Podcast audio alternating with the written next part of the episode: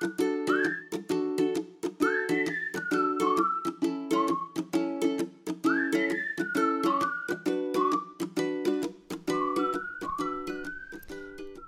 allihopa och välkomna tillbaka till podden om högkänsliga barn.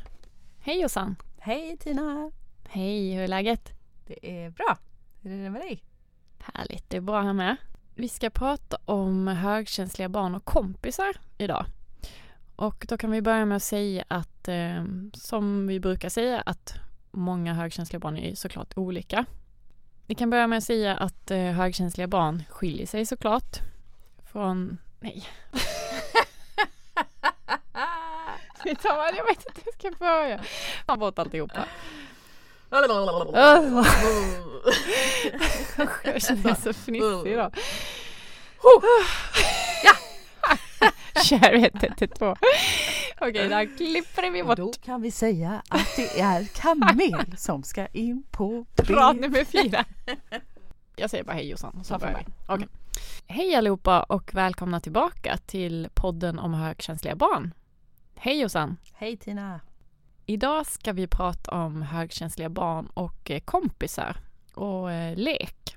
Det vi först kan säga är ju att eh, såklart att alla högkänsliga barn skiljer sig åt eh, och leker på olika sätt. Men vi tänker ändå ta upp lite saker som eh, forskning och så tyder om högkänsliga barn. Det vi kan säga är ju att eh, det skiljer sig lite åt om man är extrovert eller introvert. Och som vi har sagt tidigare så är det ungefär 70 procent av de högkänsliga som är introverta. Och därför kommer eh, vi fokusera lite mer på det. Ja. Och man kan säga att när man är introvert så laddar man sina batterier och fyller på energi framförallt eh, när man är ensam. Eller kanske med någon, eh, någon enstaka eh, person åt gången som man umgås med. Och man har ofta få men nära vänner. Alltså det är kvalitet framför kvantitet.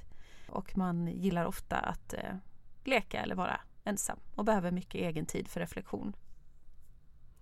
Och Eh, de barnen som är introverta kan ofta sitta ganska länge och bara iaktta eller observera och tänka. Och de kan behöva uppmuntras till att ta tag i saker och gå ut och gå utanför sin bekvämlighetszon och eh, söka sociala kontakter. Medan de som är extroverta laddar ofta sina batterier när de är tillsammans med andra. De har ofta många vänner och vill ha mycket folk omkring sig och får energi av det och leker gärna med flera barn samtidigt. Där kan jag bara flika in att det som skiljer extroverta högkänsliga och andra extroverta är ju ofta att eh, de högkänsliga extroverta behöver egen tid också och hämtar energi där också Just till det. skillnad från de andra extroverta. Och där märker vi också när vi pratar med varandra du och jag eh, om våra olika erfarenheter att du är ju mer åt det extroverta hållet och jag är kanske mer åt det introverta hållet men vi är ändå båda två någonstans lite av både och. Men vi kommer in mer på det sen med hur det har varit för oss när vi var barn. Men också det som är med extroverta barn är att de vill gärna vara med på allt roligt som händer och kan byta från den ena aktiviteten till den andra ganska snabbt och eh, kan kasta sig ut i, i det som som händer och sker utan att kanske behöva tänka sig för så mycket på det sättet. Alltså när det gäller sociala kontakter och så. Och sen är det klart kan det vara skillnad också mellan högkänsliga pojkar och högkänsliga flickor. Eh, generellt sett så kanske ofta tjejer leker i mindre grupper och ofta tre och tre eller sådär. Och många pojkar, nu pratar jag om de som inte är högkänsliga då, många pojkar leker kanske i lite större grupper rent generellt. Men just när det gäller högkänsliga pojkar så föredrar ofta de också att leka kanske med en kompis åt gången eller även vara, leka med själva och sådär. Framförallt de pojkarna som är introverta då. Och sen tänker jag också att det beror ju väldigt mycket på dagsformen också, hur barnet mår och eh, om grundbehoven är tillgodosedda, hur man vill leka och eh, om man vill leka själv eller tillsammans med andra. Sen kan det ju också skilja sig åt eh, var man är någonstans, om man är i skolan eller förskolan eller om man är hemma eller om man är hemma hos en kompis och så. Det kommer vi in på lite mer också, att eh, leken kan skilja sig lite åt det. Jag har ett exempel på hur eh, högkänsliga barn kan eh, närma sig andra kompisar och så. Vi var eh, uppe i Stockholm och där träffade vi eh, några kompisar som också har barn med högkänsliga drag. Och först så höll eh, mina barn sig till mig och eh, hans barn sig till sig. Och eh, de observerar väldigt mycket varandra, tittar in, kollar in läget. Eh, och det kanske varar ungefär i tio minuter. Sen så hamnar vi på ett ställe där det var helt plötsligt väldigt mycket lek, en lekplats och så här. Och då tar på något sätt nyfikenheten över att de börjar leka och de får någon aktivitet. Och där dämpas det här stopp och kolla-systemet och de känner sig trygga, har känt in och varit lite avvaktande först och sen släpper det. Och sen så är leken i full gång. Mm, ja men det känner man ju igen. Så har man ju upplevt det själv också många gånger. Och jag tänker också, alltså när jag var liten så hade jag ofta en ganska klar bild av vad som skulle hända i leken. Och jag tror att det har med den här djupa bearbetningen att göra. Att jag hade redan ja, men jobbat upp en bild liksom, i, min, i min tanke av hur leken skulle yttra sig. Och eh, där blev det väldigt ofta krockar mellan mig och min bästis då. För hon var också ganska envis och hade sin bestämda uppfattning. Eh, så det blev ganska mycket tjafs emellan oss två. Och jag vet att jag som liten ofta ville ha den här tryggheten av att ha en nära bästis. Jag kommer ihåg också sen när vi blev tre tjejer som lekte ihop. Eh, att det, det blev en helt annan komplicerad situation och skar sig ganska ofta. Och eh, jag som var väldigt mycket det här för fantasilekar och, och på det sättet hade mycket kvar av mitt barnasinne så. När vi väl började högstadiet sen så gled vi ifrån varandra för att de var ju någon helt annanstans medan jag ville ju fortfarande liksom leka. Och där skiljer ju du och jag oss lite och för jag hade också en bästa kompis och vi lekte och så. Men jag insåg ganska snabbt att man är rätt skör med bara en bästa kompis också om den är sjuk eller om den börjar leka med någon annan sådär. Så att jag hade eh, väl en som jag lekte mest med men sen hade jag ganska många andra kompisar också. Och älskar, har alltid älskat att vara ute så jag lekte ofta utelekar eh, på kvällarna med kurragömma och bollen i burken eller allt vad de hette. Och det var också Dunken lekte Dunken, vi. precis. och då var det både tjejer och killar som lekte ihop och så. Och jag var mycket så att jag ville leka hela tiden. Jag älskade att leka med kompisar. Hade väl en del tid för mig själv men hade nog inte så stort behov av att vara själv utan tyckte det var väldigt kul när det hände saker. Mm.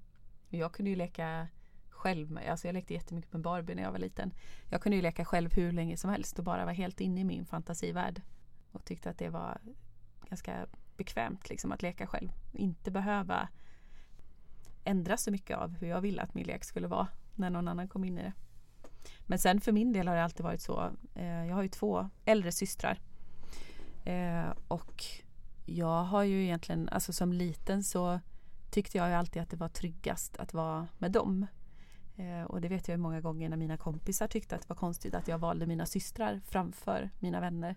Men jag tror också att det handlade om det här eh, förutsägbara och trygga. Att där visste jag liksom att jag visste att jag var accepterad för den jag var och jag visste att det var tryggt och bra och att det inte hände något oförutsett liksom.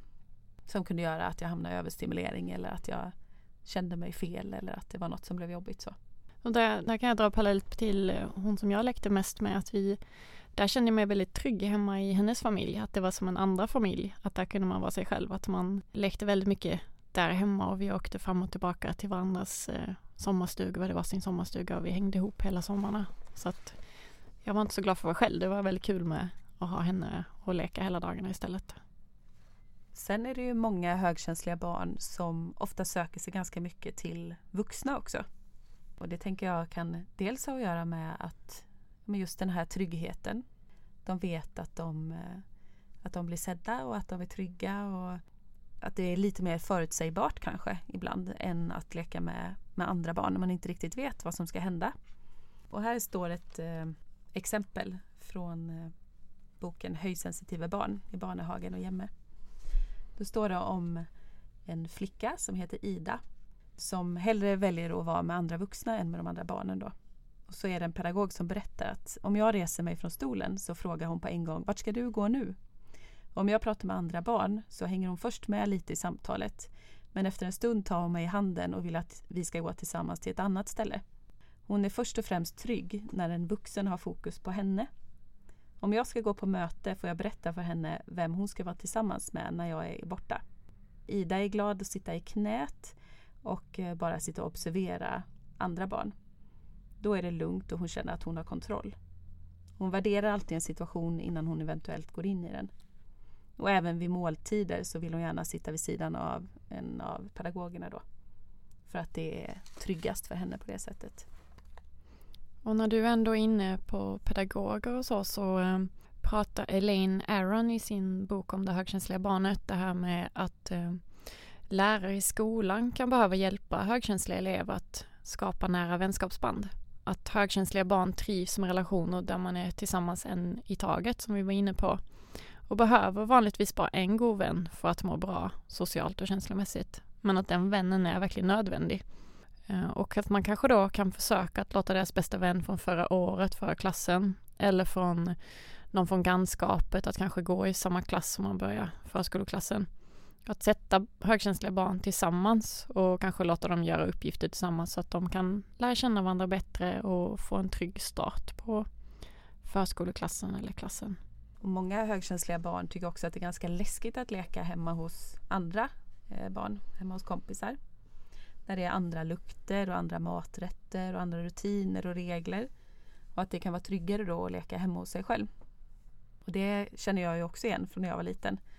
Jag tyckte ju helt klart att det var tryggast att vara hemma hos mig själv. Där visste jag eh, liksom vad, som, vad som skulle hända och hur det gick till. Jag kommer ihåg en gång när jag skulle följa med en klasskompis hem. Och eh, den familjen var från ett annat land och där var det liksom andra maträtter och andra kryddor och andra lukter hemma hos henne. Och jag tyckte att det var en sån konstig känsla att komma in till en helt annan eh, liksom, lukt och smakkultur än vad jag var van vid. Och det satte igång mycket liksom, tankar hos mig och för, för mig handlade det också mycket om rädsla för eh, ja, men vilken mat som var säker att äta för mig, om jag, för jag hade vissa allergier då. Om jag tålde all den maten som jag fick där och jag var kanske inte riktigt säker på alltid vad det var som serverades och eh, vad det var i maten och sådär. Och det vet jag att det var förknippat med ganska mycket rädsla och osäkerhet för min del. Att jag tyckte att det var ganska läskigt liksom. Ja, jag tyckte som sagt att det var ganska kul att leka hemma hos andra också. Eh, däremot kommer jag ihåg eh, faktiskt att eh, det jag tyckte var lite läskigt var om de hade typ tonårsstorebrorsor de kunde vara lite läskiga, prata med mörk konstig röst. Och, ja, och sen kommer jag faktiskt ihåg en kompis som hade en pappa som var ganska svår att läsa av. Han var lite så här skojig och rolig. Men ibland så förstod jag inte när han skojade. Jag tror att han var ganska ironisk. Mm. Och som barn kan det vara svårt att förstå ironi ibland. Jag förstår fortfarande inte. Nej, och då, eh, jag hade lite svårt att läsa av honom och då kommer jag ihåg att jag skrattade på fel ställe någon gång när han var allvarlig. Och att det, mm. jag kände mig så fel. Mm. Just det. Tänk om man fortfarande kan komma ihåg det. Ja. ja men jag tänker att man, man kan behöva pusha sitt högkänsliga barn eh, att faktiskt våga leka hemma hos andra. För många gånger väljer de kanske som sagt det här trygga först och främst. Att vara hemma hos sig själv och så. Eller kanske bara hemma hos möjligtvis en annan kompis. Eh, och det där känner jag igen mycket både som sagt från mig själv men även från, från mina barn just det här att man kan behöva pusha att jo men ska inte du leka hemma hos den kompisen idag och sådär. Och just att ibland kan de behöva liksom en annan motivering eller morot eller vad man ska säga också för att göra det. Att ja men tänk vad modig du kommer känna dig om du faktiskt gör det. Och mm. när du har vågat göra det några gånger då kanske vi ska gå ut och fira och hitta på någonting för att du faktiskt har vågat komma över den här tröskeln som har varit stor och läskig för dig. Ja, för det är just det här med att högkänsliga barn, att det kan ta lite längre tid för dem att skaffa vänner. Och Elaine beskriver det som att högkänsliga barn kan ta längre tid på sig att få vänner och behöva viss hjälp, precis som du var inne på. Och de kan också agera på ett sätt som andra barn kan missförstå. Deras tårar kan till exempel tolkas som en svaghet, deras behov av privat utrymme som kinkighet och deras ögonblick av överväldigande frustration som orimlig ilska. Och vidare kan de vara favorittavlor för att bli retade och mobbade eftersom de blir så lätt upprörda. Och där är det ju viktigt att som vuxen att eh, våga prata om känslor, att se det här om det är någon som blir eh, utstött eller retad på något sätt eh, för att de har mycket känslor eller eller drar sig undan. Att just som vuxen prata om det, att vissa är mer utåtagerande med sina känslor och vissa håller det inne mer och att alla är vi olika. Högkänsliga barn kan ju också många gånger känna att de känner sig fel eller att de inte riktigt kan spegla sig i sina vänner eller att, mm, ja, att de, de känner in mycket liksom av situationen. Och de kan ibland också uppleva att de känner sig utanför. Men det kanske inte alltid stämmer med hur situationen faktiskt var. Det kanske inte var så att någon gjorde någonting eh, eller sa någonting att du får inte vara med eller så. Men eh, deras känsla av att vara utanför ska ju ändå tas på allvar. Så att det kanske är, man får ha lite det med sig att det är inte säkert att det alltid stämmer med hur situationen var eller att mitt barn faktiskt är utanför. Men det kanske upplever det så. Då kanske det är snarare det vi behöver prata om. Mm. Vad det är de har upplevt och vad det är för känsla. Än att det kanske egentligen är någon problem eller att de är utfrysta på något sätt. Just och just den här känslan av att bli lämnad utanför eller utstött kan sitta väldigt djupt eh, hos en högkänslig person. Just det här med att bli avvisad, att man inte får vara med. Mm. Och det gör det såklart hos alla, mm. oavsett om man är högkänslig eller inte. Men som högkänslig, när man läser in mycket mer i situationen och har den här djupa bearbetningen så tar man ofta det väldigt, väldigt hårt. Hur eh, kan man då hjälpa sitt barn eh, i det här med sociala kontakter och vänskapsrelationer? Eh, det kanske är så till exempel att barnet inte vågar fråga andra kompisar om de vill följa med hem och leka för att det är rädd för att de ska säga nej. Och då kan man hjälpa barnen med det att man kanske börjar med att fråga någon när man vet att de kan eller man kanske har gjort upp med föräldrarna tidigare om att funkar det imorgon att leka? Och sen att barnet får fråga där man vet att det här går och det här barnet kommer säga ja. Man gör det några gånger tills barnet ändå vänjer sig vid att okej, okay, jag vågar fråga, det är okej. Okay. Men sen också träna dem i att det är inte farligt att få ett nej heller. Ofta känner man ju som högkänslig en obehagskänsla av att få ett nej för att det på något sätt innebär ett stopp, tänker man ju, eller det här med att bli avvisad. Mm. Men tänk om ett nej egentligen bara betyder att det är nej just nu. Det mm. behöver ju inte alls handla om den personen utan det kanske bara handlar om någon annan omständighet. Så att man hjälper dem att komma över den tröskeln att det kanske egentligen inte eh, behöver vara en så laddad situation. Det kanske bara är faktiskt en fråga där det är okej okay också oavsett vilket svar man får. Och sen också det här med om det är flera barn kanske som vill följa med det högkänsliga barnet hem till exempel från, från fritids. Där man vet kanske både som förälder att jag mår bäst av att faktiskt bara ta med en kompis hem, det räcker för mig. Och mitt barn mår bäst av det. Men man märker kanske att ens barn eh, tycker att det är jobbigt att behöva säga nej själv också. Man märker kanske att kompisarna blir besvikna Eh, och då kan man som förälder behöva gå in och säga där att det, det är jag som bestämmer det här och jag bestämmer att idag tar vi med en kompis och du får gärna följa med idag och du kan gärna följa med en annan gång. Att man backar barnet så att inte det behöver ta det eh, beslutet och ansvaret själv för att det är oftast ganska jobbigt för dem. Precis och där var vi inne på tidigare också det här med lekdejter att det kan vara bra bestämt då vilken kompis som ska följa med hem och vilken dag och så, så barnet vet om det också. Behöver det inte bli det här svåra om flera frågor samtidigt. Och sen tänker jag också det här med just när man leker efter förskolan eller skolan. Att man håller lite koll på det här med risk för överstimulering och utbrott. Att det kan vara så att det blir tufft för barnet att leka direkt efter man har hämtat. Man kanske ska hem och vila en stund innan.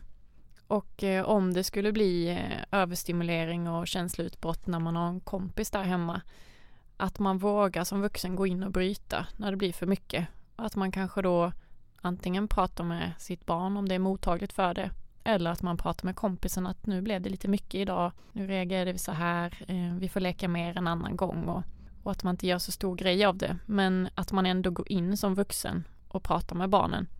Och In tänker jag också att man kanske prata med dem om hur upplevde ni det här? Och att det här handlar inte om er och så. För annars är det lätt kanske att de går därifrån med en känsla av att de har gjort något fel eller att, att de inte förstod någonting av situationen. Vad sjutton var det som hände egentligen? Precis. Så att man hjälper till och reder ut det lite och också som du sa hjälper barnet att kanske skicka hem kompisarna tidigare då. Ja, och inte går efter det här gamla att barnen reder ut saker själva utan man ibland faktiskt går in och bryter och pratar med dem om det här. Och högkänsliga barn kan ju ganska lätt anpassa sig väldigt mycket till andra barn på så sätt att de, de kan gärna köra över sig själva eller sina egna gränser för att vara andra till lags. och kan lätt gå in i många olika roller för att liksom passa in. Eh, och där kan man också behöva hjälpa barnen och, och prata om det. Att hur är man när man är en god vän? Vad innebär det egentligen om man säger nej eller om man säger att det här är viktigt för mig?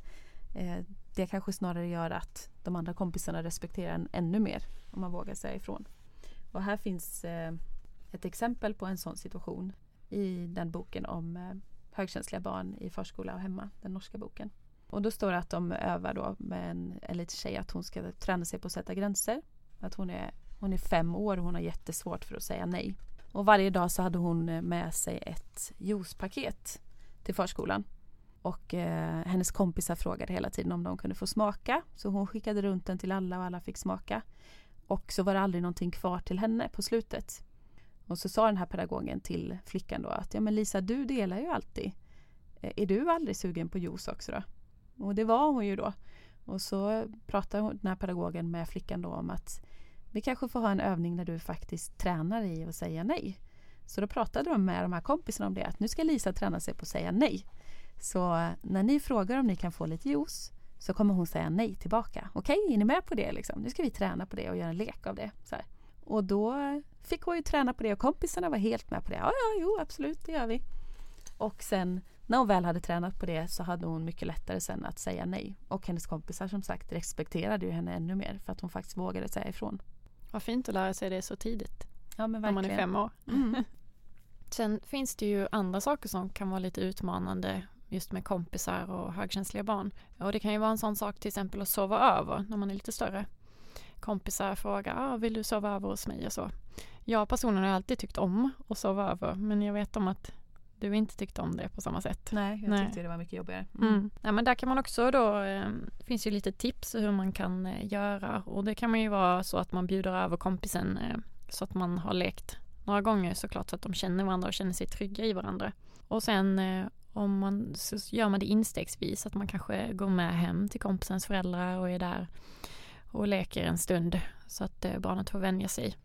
Och sen eh, till slut så kanske det är dags att sova över och då eh, när man lämnar det högkänsliga barnet då kan det vara fint att stanna en stund också så att de känner sig trygga och att de verkligen vet att de kan ringa om det är någonting och så men att de känner sig trygga i situationen. Man kan ju ringa och se hur det går och så också så att de känner verkligen att de kan säga nej om de vill det. Elaine tipsar också att man kan ju säga något slags kodord om, eh, om barnet då inte skäms kanske för att eh, bli hämtad och så, så kan man eh, kommit överens om innan att om jag säger det här i telefonluren så betyder det att jag vill bli hämtad. Så då får du hitta på en anledning till att varför jag måste hem. Just det, det, det är kan smart ju vara... att inte behöva bli så utpekad eller känna, känna sig dum för att man vill åka hem. Precis, så att man pratar med sitt barn om det om man känner sig eh, rädd för det. Men just att det är fint att börja träna på det. Kanske kan börja träna hos mormor och morfar eller så som är lättare i början kanske. Och det är andra saker som också kan vara tuffa med kompisar. Sånt. Det kan vara kalas i början när man ska börja gå på kalas när man är fyra fem år gammal. Det kan vara en utmaning. Det är mycket stimulering på kalas. Det är mycket barn oftast och ganska hög ljudnivå och alla äter tårta och hög stämning och sådär. Det kan vara väldigt överväldigande. Och eh, som vi var inne på innan också, att det kan vara läskigt att komma hem till någon annan. Där kan det vara fint då också om barnet inte vill gå, att man följer med och att man kanske pratar med föräldern som är ansvarig för kalaset och säger precis som det är. Och då kanske man kan stanna en liten stund, ta en kopp kaffe och hänga lite där först och sen eh, säga att nu går jag iväg en liten stund. Kanske man kan gå en promenad och lämna barnet själv en, en stund så att de får börja träna på det. Och efter några gånger så brukar det funkar bra att de vågar gå på kalas. Men just ta det i barnens takt och även prata med den ansvariga vuxen så att de inte tycker att det är något konstigt. Sen kan vi ju avsluta med att säga också det här med att eh, man tänker kanske att det är viktigt att ha väldigt många vänner men att man kanske inte ska oroa sig i onödan om eh, ens barn inte har en massa vänner utan forskning tyder på att att ha bara en god vän det räcker med för att återfå självkänslan och social acceptans, särskilt om vänskapen är bekräftande och omtänksam. Och det kan ju vara fint att tänka på om man känner sig orolig för sitt eget barn. Men det var allt vi hade för idag i det här kompisavsnittet och eh, vi hörs i nästa poddavsnitt. Och vill ni veta mer om oss så finns vi på Facebook och Insta. Där heter jag högkänslighetscoachen. Och jag heter Tankar om högkänslighet. Och man kan även läsa mer om högkänslighet på min hemsida www.högkänslighetscoachen.nu. Tack för oss. Ha det bra. Hej då! Hej!